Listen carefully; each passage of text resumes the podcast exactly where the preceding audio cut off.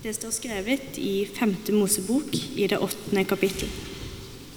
For Herren din Gud fører deg inn i et godt land, et land med rennende bekker, med kilder og vann fra dypet som strømmer fram i dal og på fjell. Vokt deg så du ikke glemmer Herren din Gud, og forsømmer å holde budene, lovene og forskriftene hans, som jeg pålegger deg i dag. Når du spiser og blir mett, når du bygger fine hus og bosetter deg i dem, når ditt storfe og småfe øker i tall, når du får mengder av gull og sølv og hele din eiendom vokser. Vokt deg da, så du ikke blir håndmodig og glemmer Herren din Gud, Han som førte deg ut av Egypt, ut av slavehuset. Han ledet deg gjennom den store, uhyggelige ørkenen med giftslanger og skorpioner, et tørstende land uten vann. Han lot vannet strømme for deg fra harde fjellet. Han lot deg spise manna i ørkenen, en mat som dine fedre aldri hadde kjent til.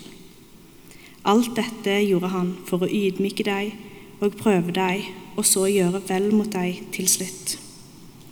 Du kan si i ditt hjerte, det er, min egen kraft og min sterke hånd som har skaffet meg denne rikdommen.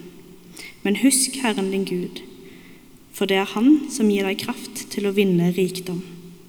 Slik vil Han stå ved pakten som Han inngikk med dine fedre. Slik gjør Han også i dag. Slik lyder Herrens ord.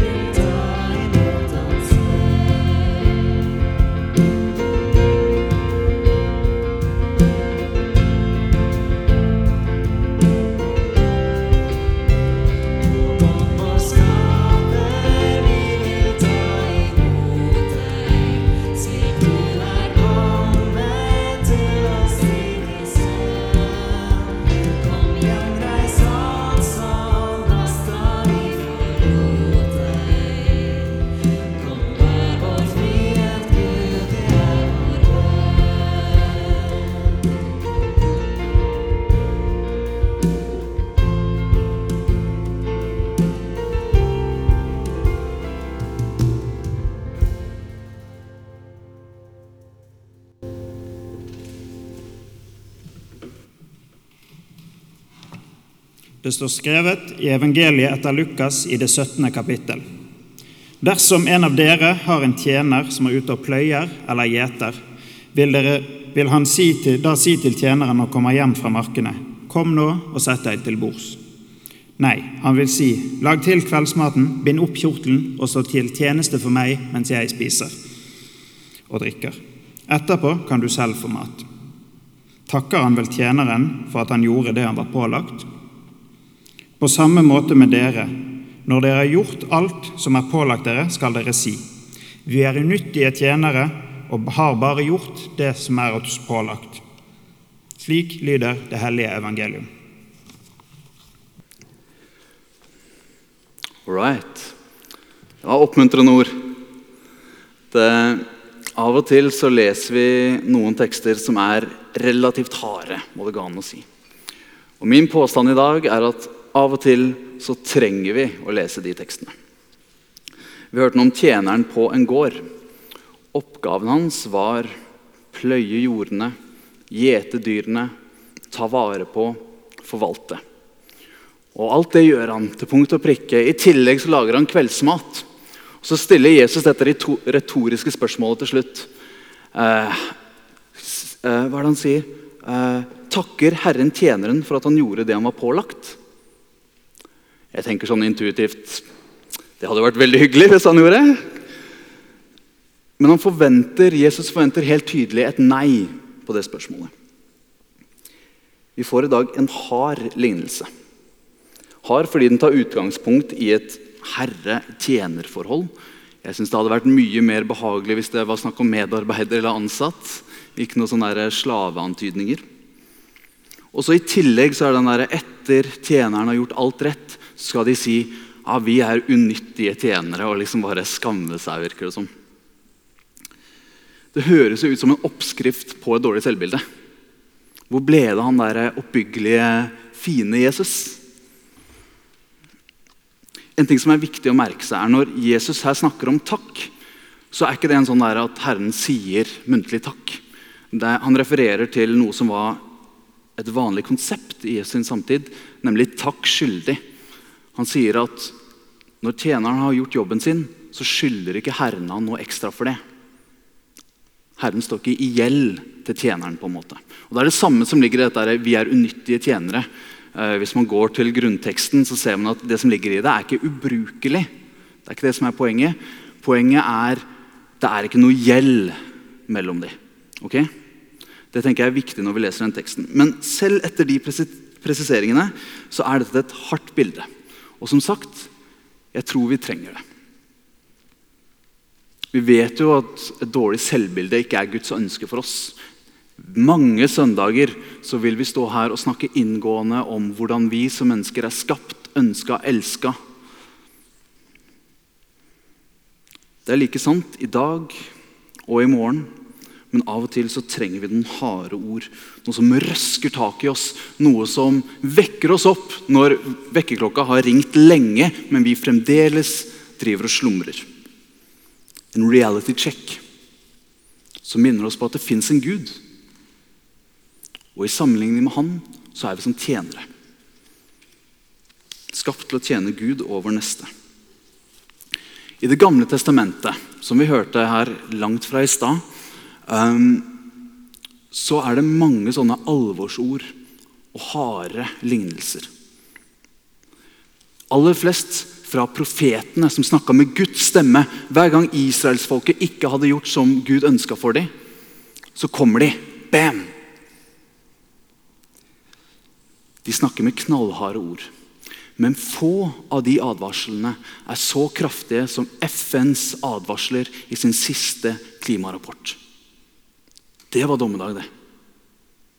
Altså, Det de sier, er at de klimaendringene som vi har frykta lenge, det er ikke bare sånn at de kommer snart en gang. De er her nå, og de kommer bare til å øke. Og nok en gang så går det ikke utover oss som har mest skyld i klimaendringene. Det går hardest utover de fattige. Hva er vår reaksjon? Blir vi rysta? Nok til å faktisk gjøre noe? Jeg lurer på, jeg kjenner det på meg selv, har jeg blitt litt sånn nummen? Det er nesten som det har gått litt rutine i disse her skremmende rapportene som bare blir verre og verre. Det kommer, jeg blir litt sånn oh, oh, oh, oh vi må gjøre noe. Les litt ekstra nyheter. Hvis jeg er ekstra engasjert den dagen, poster jeg kanskje en Insta-story om det. Men er vi ikke like etterpå tilbake der at vi flyr på ferie? At vi ja, ok, tar, tar kjøtt i dag, selv om jeg egentlig hadde tenkt vegetar. Det er så digg med kjøtt. Å, jeg skal bare kjøpe og bestille den der dingsen fra USA. De 10% rikeste i verden står for 50% av verdens klimagassutslipp. Og mer enn 75% av verdens befolkning har aldri flydd. På tross av den vanvittige urettferdigheten så evner vi det å liksom tenke at ja, vi må holde fast på våre privilegier. Vi trenger jo det vi har. Hvorfor skal vi gi opp våre ting? Våre ting. Det ligger noe der, tenker jeg. Da vi kommer til den teksten her. For Herren din Gud fører deg inn i et godt land, et land med rennende bekker, med kilder og vann fra dypet som strømmer fram i dal og på fjell. Vokt deg, så du ikke glemmer Herren din Gud og forsømmer å holde budene, lovene og forskriftene hans, som jeg pålegger deg i dag. Når du spiser og blir mett, når du bygger fine hus og bosetter deg i dem, når ditt storfe og småfe øker i tall, når du, når du får mengder av gull og sølv og hele din eiendom vokser, vokt deg da, så du ikke blir hovmodig og glemmer Herren din Gud. Du kan si i ditt hjerte det er min egen kraft og min sterke hånd som har skaffet meg denne rikdommen. Men husk Herren din Gud, for det er Han som gir deg kraft til å vinne rikdom. Skrevet for mer enn 2500 år siden. Nesten utrolig når det treffer så hardt som det gjør i dag. Vokt deg så du ikke blir hovmodig. Våre ting den mest grunnleggende sannhet i den kristne tro er at Gud skaper verden. Denne fantastiske verden som omgir oss. En perfekt, fininnstilt balanse som gir liv til alt som lever. Og Hver dag vi får oppleve, det er en gave fra Gud.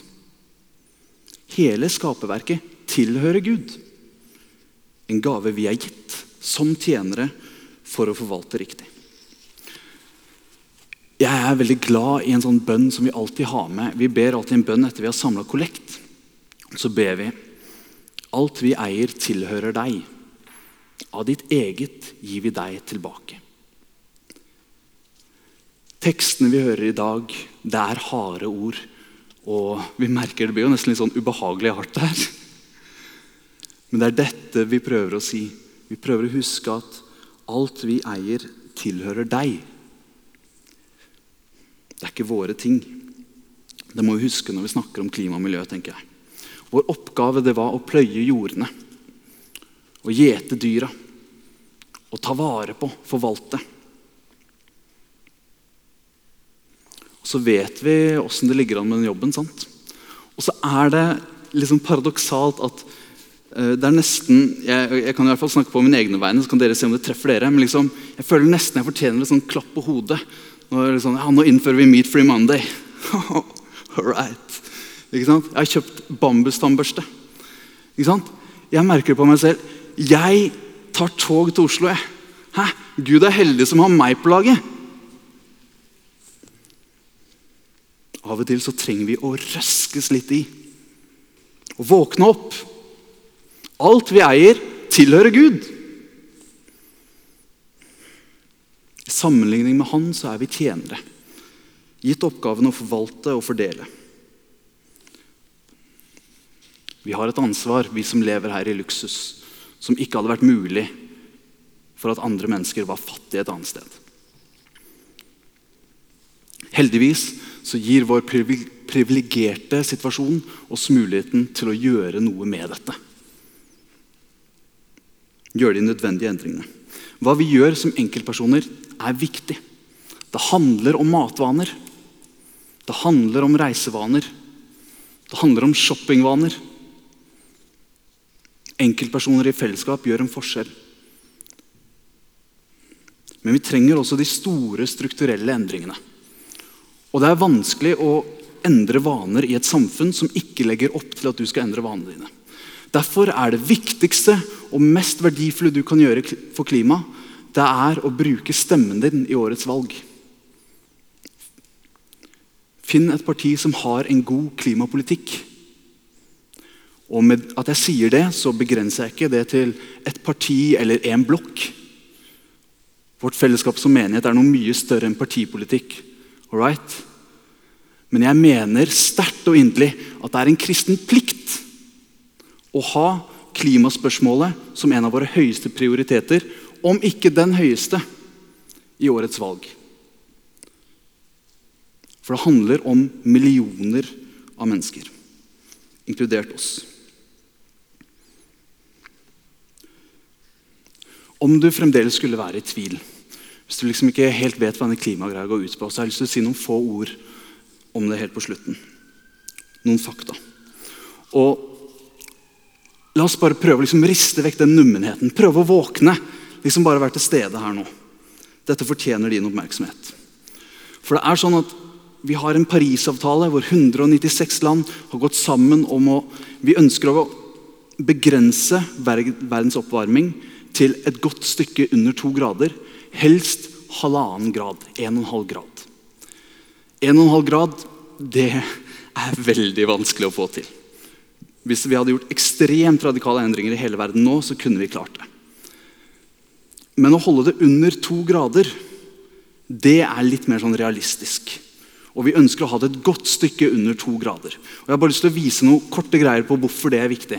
Hvis vi tar opp eh, bare noen tall ikke sant? Hva handler dette om?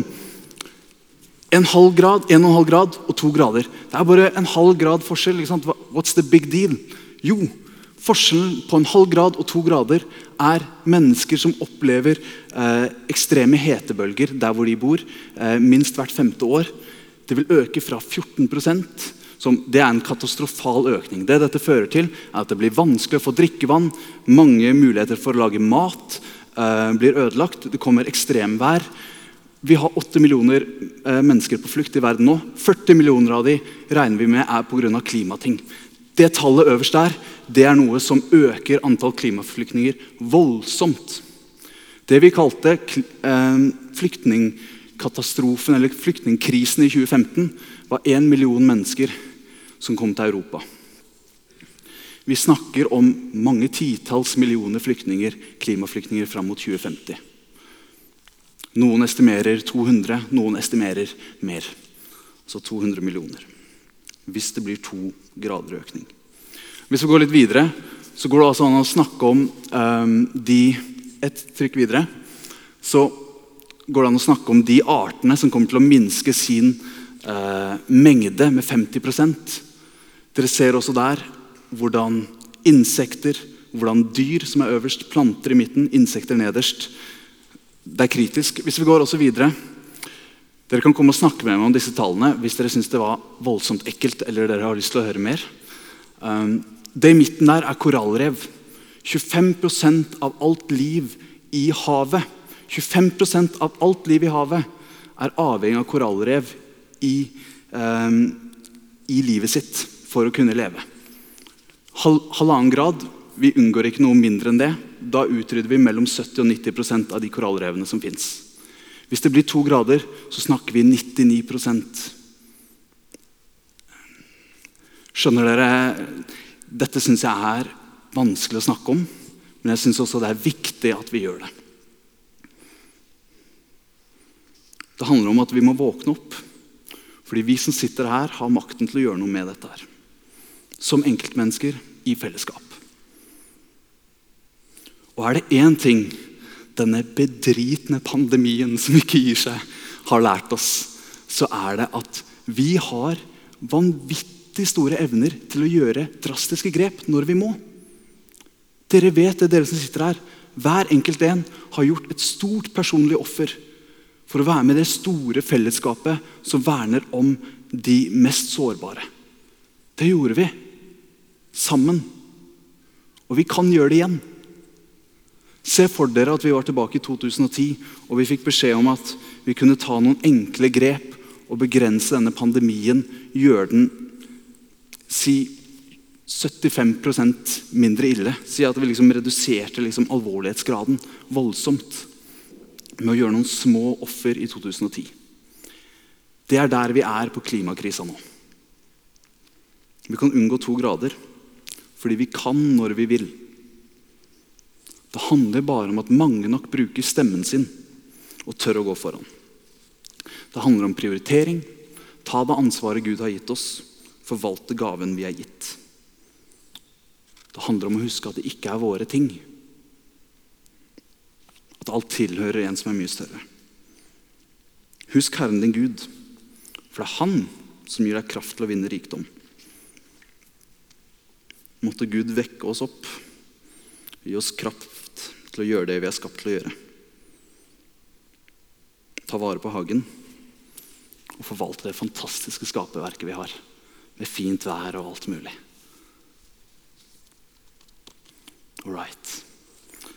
Ære være Faderen og Sønnen og Den hellige ånd, som er, var og blir en sann Gud fra evighet og til evighet. Amen.